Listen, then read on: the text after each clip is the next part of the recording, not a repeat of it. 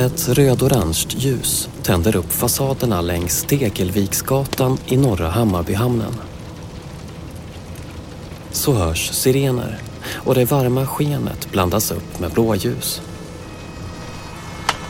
Brandmännen rullar ut sina slangar men konstaterar att de två byggbarackerna inte går att rädda.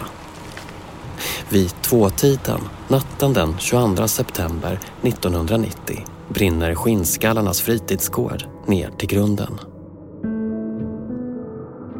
Ingen kommer gripas för branden. Rykten finns dock. Ett går ut på att det är en särskilt råbarkad militant antifascist som gjort processen kort med skinnbulornas högkvarter. En annan teori, som är mycket mer seglivad och spridd, säger något helt annat. Du vet att det är en nazist som brände ner lokalen? Jag har hört rykten. Ja, jag vet att det är en nazist som har bränt ner lokalen. Du Eh, vet det? ja.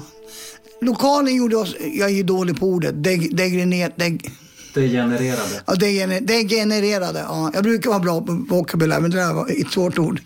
De tyckte att det fick oss så, vi skulle vara ute på gatorna och kämpa. Vad ska ni kämpa för? Den vita rasen och ba, ba, ba, ba, ba. Det var vad de, och de tyckte att vi satt ju bara där och drack öl och spelade musik och raggade brudar och umgicks. Hur, hur, vet, hur vet du att det är en nazist som bränner ner? Eh, jag känner honom. Han har berättat det. Han har berättat det. Vad- Jag frågade honom rakt ut 15 år senare. Jag har inte kunnat få uppgiften om branden bekräftad. Polisens utredning, som inte ledde till något åtal, är sedan flera år tillbaka gallrad ur polisarkivet, alltså slängd. Ryktet om att en nazist bränt ner baracken får ses som just ett rykte. Det är mycket som brinner under 1990. En flyktingförläggning i Kimsta, Östergötland, brinner ett flyktingboende i Mariestad fylls med tjocksmetig rök från ett bildäck som någon satt eld på. Bevara Sverige svenskt står klottrat på väggarna.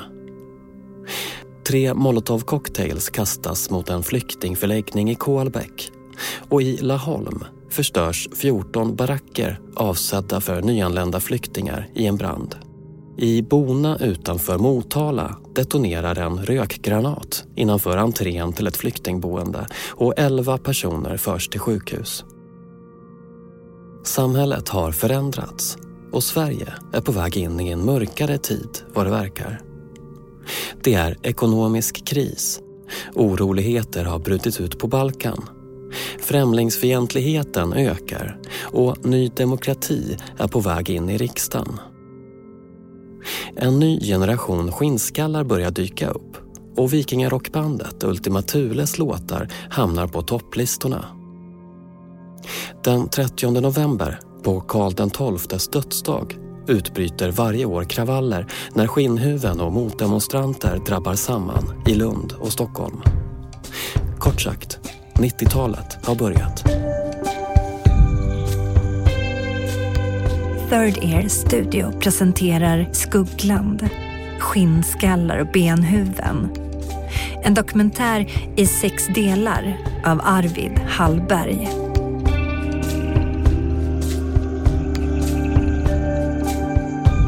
Avsnitt 3. Mystomtar och vargflockar.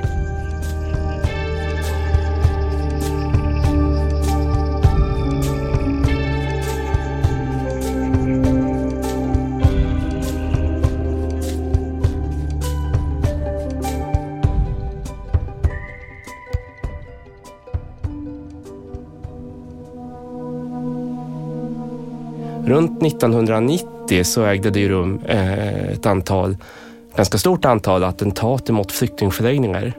Och då vet jag att jag var med, eller det var jag som ordnade en, en, en demonstration i, i Motala innan jag, strax innan jag flyttade. Och det, det är då 1990 efter gymnasiet. Ja, I solidaritet då emot att, att en flyktingförläggning utanför Motala hade attackerats. Tobias Hübinette är 18 år och Motalabo när rökgranaten briserat på flyktingförläggningen i Bona. Han blir tidigt intresserad av samhällsfrågor. kanske redan i mellanstadiet faktiskt. Och då var det ju att jag attraherades av anarkism och syndikalism och sådär. Så jag började prenumerera på tidskrifter. Det var ju de som var viktiga på den tiden och innan internet och så. Eh, tidskrifter som Brand och sådär. Och då upptäckte jag att det fanns en tidskrift som hette Stoppa rasismen också exempelvis. Så det var ju på distans kan man säga som jag kom in på de här frågorna. Nu för tiden är Tobias Hübinette forskare vid Karlstad universitet. Hans forskning handlar om ras, vithet, adoption bland annat. Tobias Hübinette har en bakgrund i antifascistisk aktion och som AFA-aktivist ställer han sig en dag framför entrén till Fryshuset med en banderoll i händerna och en kniv i fickan för att protestera mot den uppmärksammade Ultima Thule-konsert som ska hållas där på initiativ av Fryshuset-grundaren Anders Karlberg. 1990 ordnar alltså Tobias Hübinette en demonstration i solidaritet med flyktingarna i Bona och efter det flyttar han till Uppsala. Där i studentstaden finns en rikare fauna av människor som delar hans åsikter och syn på samhället. Antirasister, antifascister, anarkister och så. Och eh, jag eh, blev ju ganska tidigt då intresserad av att eh, liksom få någon slags överblick över vad det fanns för högerextrema rörelser i Uppsala och sådär. Eh, det fanns en, ett skinhead-gäng där, då, det skinskade gäng som, som hade funnits ända sedan 80-talet. Ja, de, de såg man liksom ibland och sådär. Och så fanns det ju en liten avdelning av SD. Det var ju ungefär så det såg ut då. Men sen några år senare så kom ju då Ultima Thules genombrott. Då exploderade ju den här liksom, ungdomssubkulturen och då var det ju plötsligt var det ju skinnskallegäng överallt i Uppsala, liksom överallt i landet.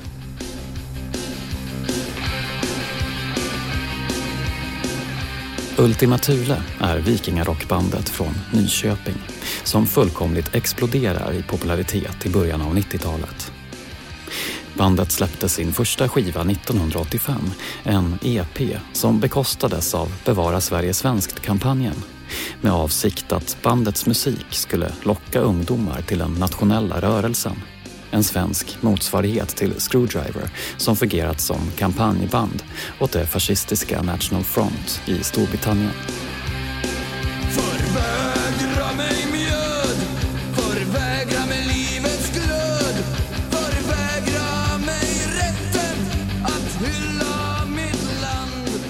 Ultima Thule spelar under 80-talet, innan genombrottet, på samma arrangemang som renodlade vit maktband som Division S, Vit aggression och Drillevanger. Och 1990 har Thule nästan blivit mainstream och spelas i CD-stereon på hemmafester, i uppehållsrum på högstadieskolor och på skoldiskon över hela landet. Då blev ju det här med att vara skinhead, det blev som ett mode mera, liksom ett ungdomsmode. Eh, och eh, ja, det var ju helt klart så att många var liksom, drog, drog sig till det höger, åt det högerströma hållet och eh, SD i Uppsala blev ju, liksom, fick ju många fler medlemmar än vad de hade haft tidigare med den vågen. Under Ultima Thule-vågen pluggar Tobias Hübinette på Uppsala universitet. Vid sidan av studierna börjar han kartlägga de skinnskallar som finns i stan.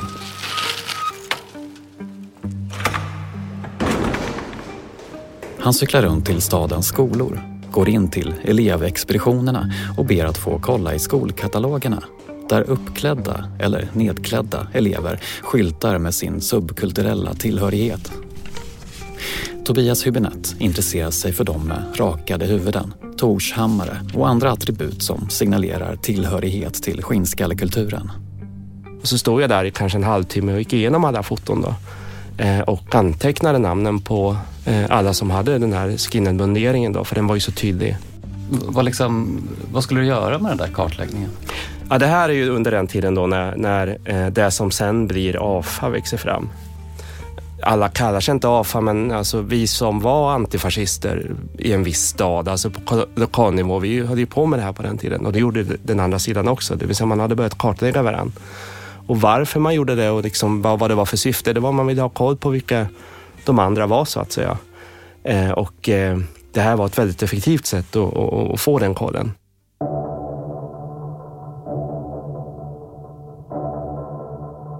Nätverket Antifascistisk aktion växer fram i Sverige i början av 90-talet och Tobias Hübinette är en av de aktivister som kommer genomföra olika aktioner under namnet AFA. AFA är en till viss del militant organisation som ser våld och trakasserier som legitima metoder i kampen mot nazism och högerextremism. På gatorna pågår under 90-talet en kamp om det offentliga rummet. Och när fienden visar sig ute på gatorna, kanske delar flygblad eller på annat sätt propagerar för en högerextrem politik kunde AFA samla ihop sig och gå till attack. Det blev en slags motrörelse mot den här explosionen när det gäller skinhead-subkulturen då som, som kommer så starkt mot Mathude. Eh, och eh, i vissa städer så går det ju rätt vilt till då. Jag tänker på, ja, som mitt minne säger nu då, Västerås exempelvis. Eh, där var det ju mycket slagsmål och sådär liksom. Och då, då handlade det om att man hade kartlagt varandra. Så när man såg varandra på stan så visste man ju vem den ena och den andra var så att säga i förväg. Och syftet var ju att man ville få den andra sidan att liksom sluta vara politiskt aktiva helt enkelt. Skrämma dem till ja, politisk inaktivitet skulle man kunna säga. Har du varit våldsam? Eh, nej, jag har ju inte varit det för att jag inte kunnat det, för att jag inte är så stor liksom rent kroppsligen sådär. Utan jag har ju ägnat mig just åt det här med att kartlägga och liksom räkna ut när saker ska hända och vem som är vem liksom inom exempelvis dåvarande SD Uppsala, alltså Uppsalas SD-avdelning. Att kartlägga sina motståndare är något som även nynazistiska grupper håller på med under den här tiden. I Sverige bildas under 90-talet Anti-Antifa av en tidigare ledande sverigedemokrat. Gruppen samlar in och publicerar personuppgifter om AFA-aktivister, journalister, politiker och andra som av olika skäl hamnat på nynazisternas radar. Ibland är syftet med kartläggandet att hänga ut personer, kontakta arbetsgivare och familj för att berätta om personens politiska ståndpunkter. Det är något som Tobias Hübinette också sysslat med. Han har bland annat skickat brev hem till SD-politiker, skrivit saker som “Avsluta genast din nazikarriär i SD, det slutar illa” och “Sluta genast sälja naziattiraljer som kamouflagekläder och bombarjackor”. Och det var ju enbart till för att liksom störa deras privatliv, skulle man kunna säga. Eh, och jag vet också att det gav effekt, eh, för det blev ju en rättegång. Och då framkom det att det var en, minst en fick sparken. Han fick gå helt enkelt. Eh, och det fanns exempel på när föräldrar hade blivit riktigt förbannade på sina barn. Då. Så. Vad, vad tänker du om den liksom, typen av metoder idag? Så här? Ja, nej men det var ju fler än jag som gjorde sådär. Liksom, och, och ännu mer liksom, extremt. Alltså gick hem till folk och hotade och sådär. Eh, och det är ingenting som jag liksom står för idag utan jag, jag är öppen med att jag dömdes för det här och att eh, det var ju flera ledande personer i SD Uppsala som, som drabbades av mig om man säger det. Så jag har ju betalt böter till dem och sådär. Dessutom så skrev jag ett brev till en butik i Uppsala, en klädbutik som sålde skinheadkläder och andra typer av attiraljer kan man kalla det då, Stöv, de här kängorna och sådär, men även persedlar skulle man kunna kalla det. Och det min, jag minns fortfarande på rättegången hur, hur ägare, ägarinnan, det är en kvinna då, att hon hade upplevt det som väldigt otäckt. Jag för att hon till och med grät på rättegången och tittade på mig och liksom, vad har du för rätt att liksom skicka ett sånt här brev? Och det här är liksom min, ja, min inkomst, min affärsverksamhet och sådär. Vad tänkte du om det? Minns du vad du tänkte? Eh, nej, jag minns att jag inte hade något att svara. Alltså jag svarade inte. Jag hade inget att säga till henne.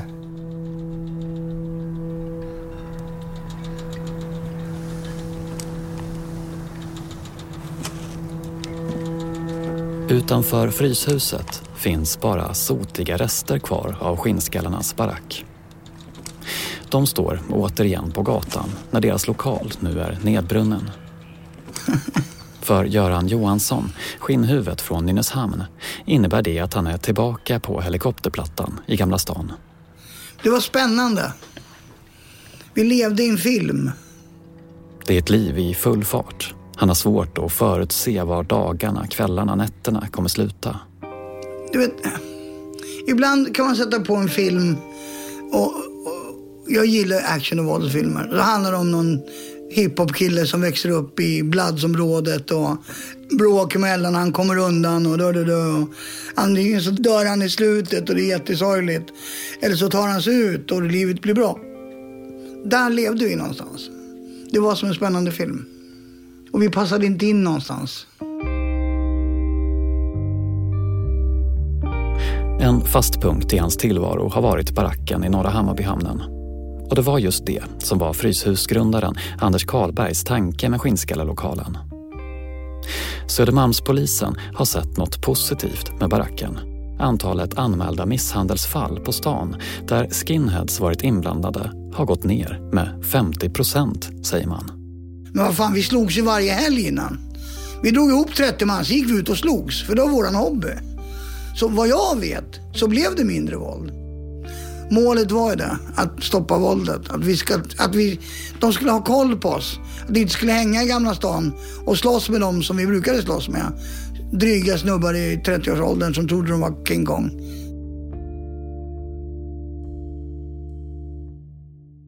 Och så ett litet meddelande till dig som älskar den här typen av poddar. Den här serien kommer gå att lyssna på gratis. Varje vecka släpper vi ett nytt avsnitt. Men du kan också lyssna på hela serien direkt, utan reklam. För 49 kronor i månaden får du full tillgång till den här podden och alla andra program som vi gör här på Third Ear Studio.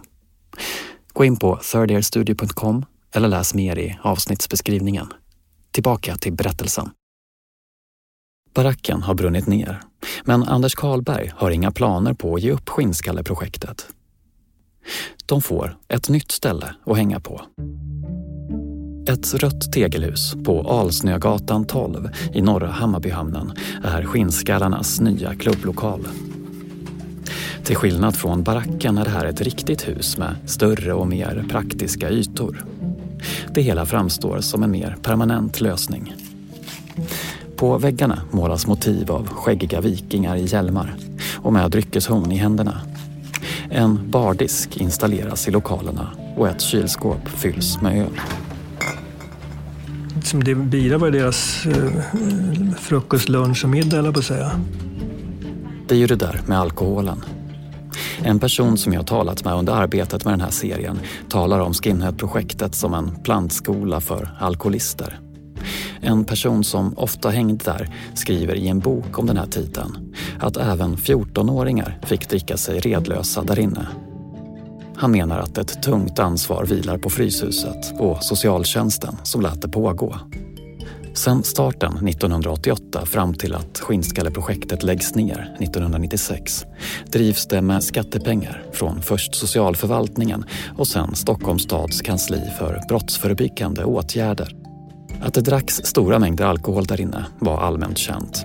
Och när kritik riktades mot att det såldes öl i lokalen gick Anders Karlberg alltid ut i försvar och sa att om det inte fanns öl skulle ingen komma dit. Och det är trots allt bättre att de dricker i lokalen under någorlunda ordnade former än ute på stan.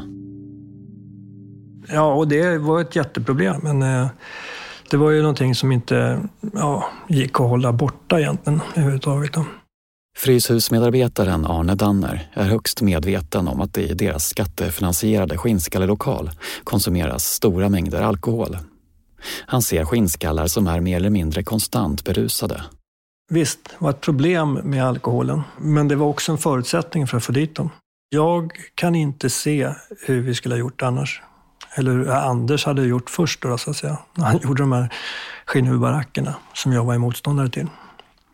Men, men jag såg ju också liksom alla de här just mötena inne i huset då, då där eh, det blev så svårt för, för, för dem att vara, man säger rasister. Och där kommer Ahmed och där kommer den och, och så vidare. Så där. Arne Danner som från början tyckte att skinnskallarna bara borde skärpa till sig, låta håret växa ut och skaffa sig ett jobb, börjar nu se hur Anders Karlbergs vision blir till verklighet. Han ser hur skinnskallar och invandrarungdomar, sådana som ute på stan ofta är varandras fiender, nu möts i Fryshusets korridorer. De tränar samtidigt i gymmet och äter kanelbullar och ostfrallor i det gemensamma kaféet. I huset så fanns ju alla människor, typer och sånt där.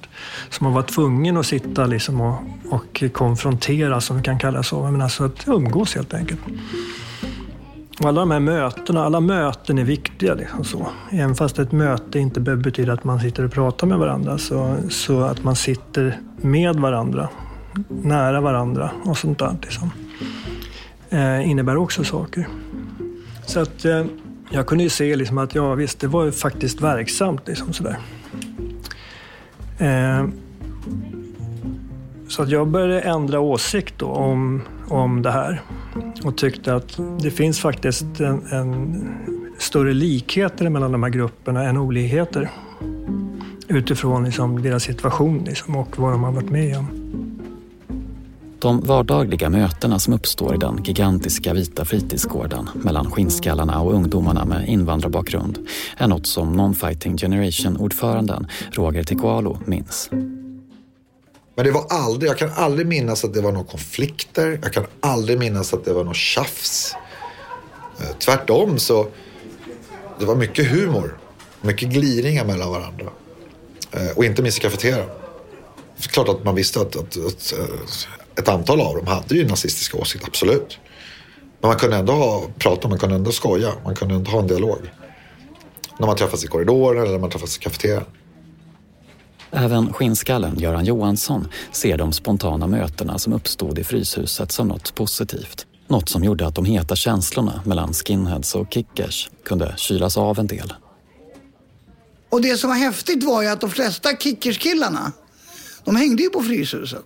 Så vi träffades ju i fiket och vi träffades ju på gymmet och vi träffades ju när vi var uppe på trappan, det gamla Fryshuset.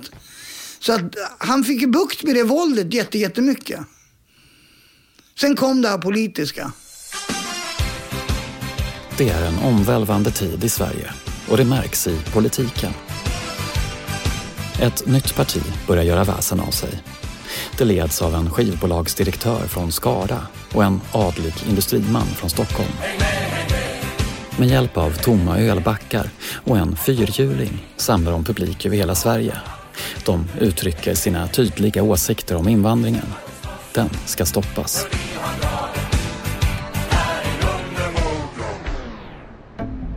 Än så länge är det högerextrema partiet Sverigedemokraterna långt ifrån riksdagen och är starkt förknippade med bröliga skinnhuven. Vid en första anblick ser kanske Fryshuset Skinnskallarna exakt likadana ut. Det är lätt att tänka att alla delar samma högerextrema ideologi. Att alla hyllar Hitler och den ariska rasen. Men så enkelt är det inte. Olika politiska ståndpunkter har funnits där från början Göran Johansson, som tillhör den första generationen skinheads på Fryshuset, menar ju att han själv var opolitisk, medan det fanns andra som var övertygade nationalsocialister. En skinnskalle har beskrivit det som att affischer på Hitler åkte upp och ner beroende på vilka som befann sig i lokalen just för tillfället. Och i 90-talets början verkar konflikterna mellan de olika skinnskalle-falangerna hårdna och vissa börjar propagera för att få med sig andra till extrema organisationer och till politisk aktivism. De försökte, de försökte. Hur då? då? Alltså genom att eh, diskutera och ta med sig naziskivor och... Och det, en del naziskivor var ju liksom... Det var ju ballt att lyssna på. Det var ju så chockande. Men, men de som sagt, jag vet ju att de var emot barackerna för att uh, vi vart ju, vi vart, vi vart ju neutraliserade. De ideologiskt övertygade, de som hyllar Adolf Hitlers gärningar och som vill se en vit revolution utan pardon i Sverige börjar se Skinnskalleprojektet på Fryshuset som ett hinder i kampen.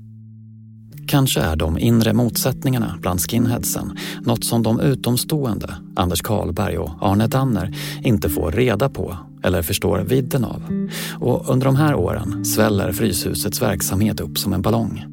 På de 5000 kvadratmetrarna rör sig tusentals ungdomar. Band repar, basketlag tränar, teatergrupper repeterar och Skinnskalleprojektet är bara en liten del av allt som ska organiseras och skötas om. Och det, det fanns liksom, vad ska vi säga, det fanns eh, eh, tankar om att liksom just kunna kanske studera och sånt där också liksom på, på olika sätt. Men exakt alla saker som hände där nere, det har inte jag riktigt koll på. Allt eftersom då så tror jag också att man började eh, släppa verksamheten lite grann. Liksom, man hade kanske inte lika tajt eh, dialog eller kontroll låter kanske fel, men ja. Roger Tikualu i Non-Fighting Generation som blir mer och mer involverad i Fryshusets olika projekt minns det som att skinnhuvudverksamheten efter en tid hamnar lite i skymundan. Då började det gå rykten om att eh, fel influenser började komma.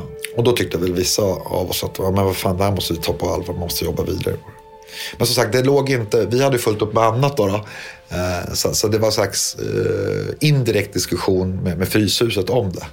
Jag minns i alla fall, jag tyckte inte att vi gjorde tillräckligt mycket från början.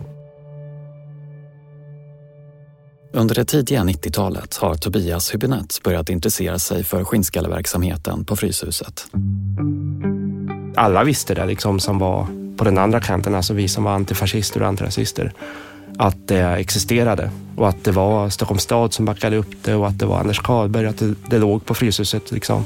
Och alla vi då hade ju liksom en väldigt bestämd åsikt om vad vi tyckte om det här projektet så att säga. Vad tyckte ni om projektet? Att det var förkastligt, det tyckte vi. Och att det liksom uppmuntrade till eh, ännu mer högerextremism och nazism. Ett ställe där människor, alltså skinnskallar, fysiskt kunde mötas och liksom knyta kontakt med varandra. Hitta på projekt ihop och även våldsdåd och så vidare. Tobias Hübinette vill förstå Anders Karlbergs drivkraft. Varför vurmar han för skinnskallarna? Hübinette tycker sig se hur Anders Karlbergs bakgrund i 60 och 70-talets vänster spelar in. Det var en miljö där arbetarklassen och framförallt den manliga arbetaren idealiserades.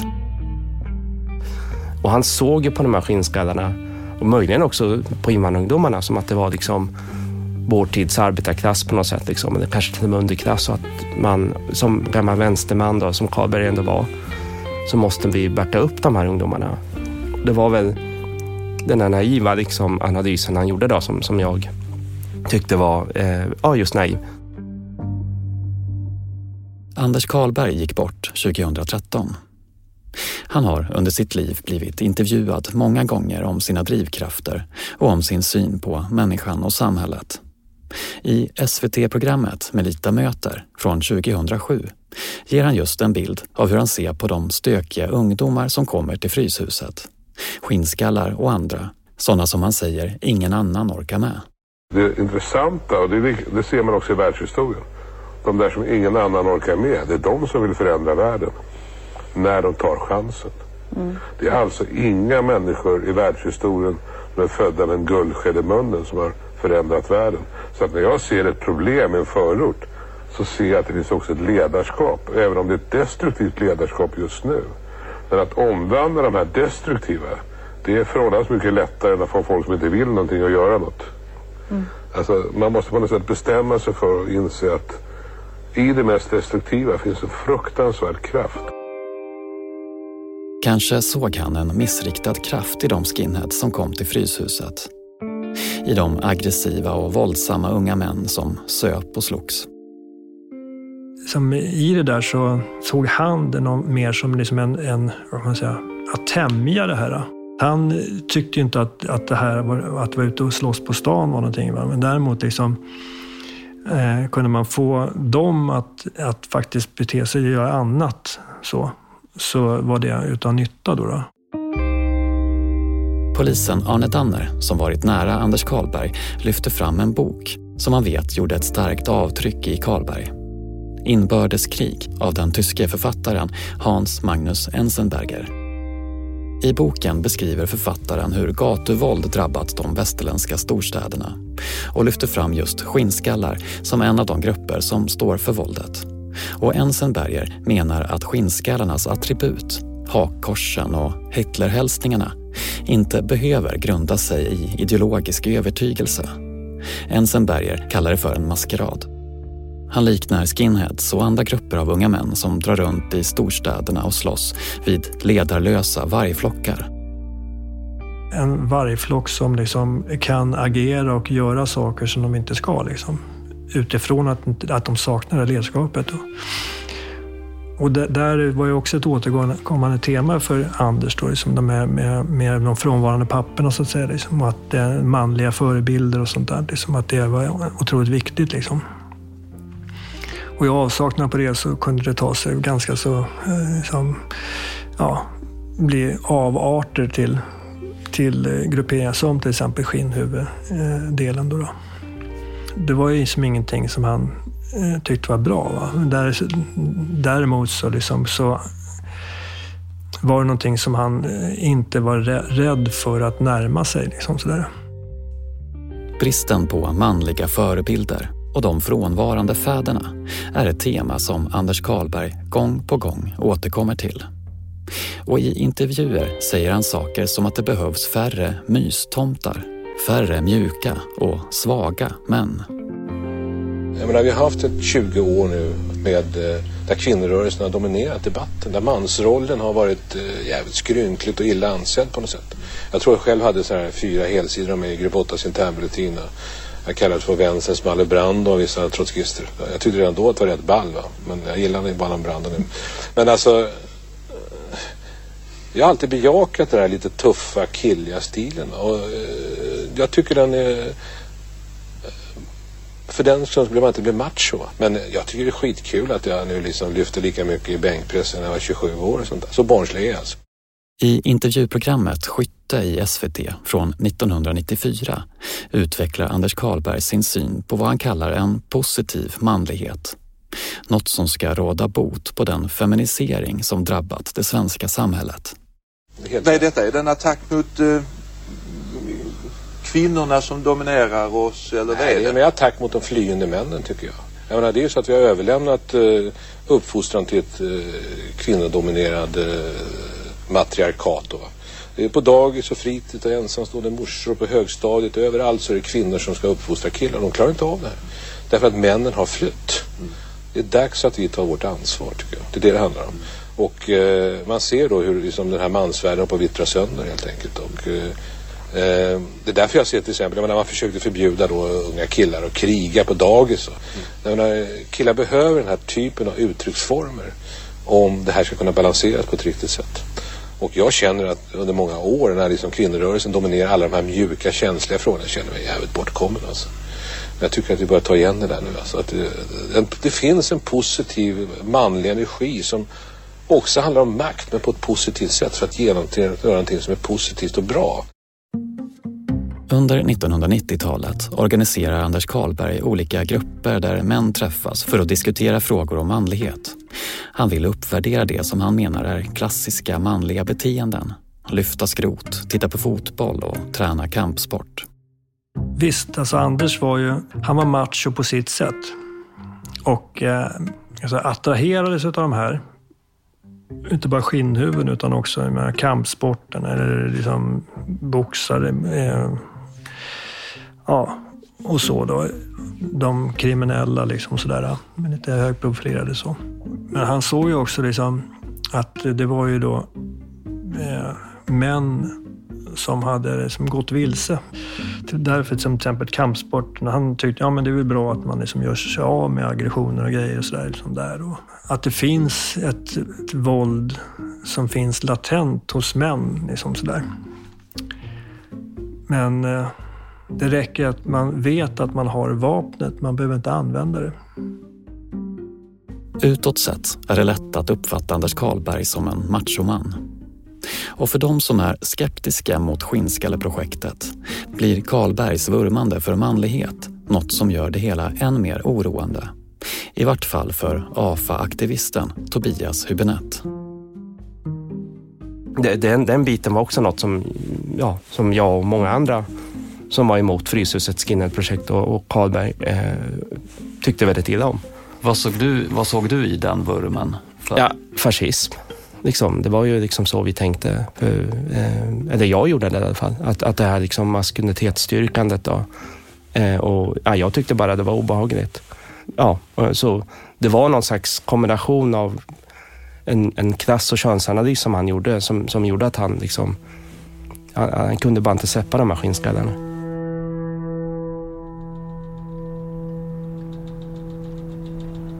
Till de nya lokalerna i den röda tegelbyggnaden i norra Hammarbyhamnen kommer en dag ett fint besök. Det är kung Carl Gustav som besöker Fryshuset och stannar till i skinnskallarnas lokal. Kungen får några dartpilar i handen och kastar dem mot darttavlan som sitter på en vägg. Besöket fångas i en ökänd bild. För ovanför statschefens huvud hänger en märklig symbol som används av en mystisk, underjordisk, nazistisk terrorcell.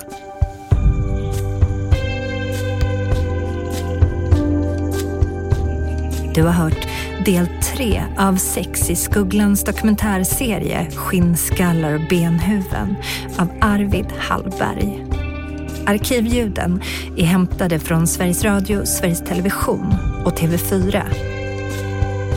Producent är Anna Åkerlund. Ljudmixen är gjord av Gustav Sundén, grafisk design Anne Skog Obel. Signaturen är skriven av Jonathan Johansson och i Skugglans redaktion ingår även Mårten Truffast, Sara Lundin, Love Lissarides, Joel Silberstein Hont och David Mer.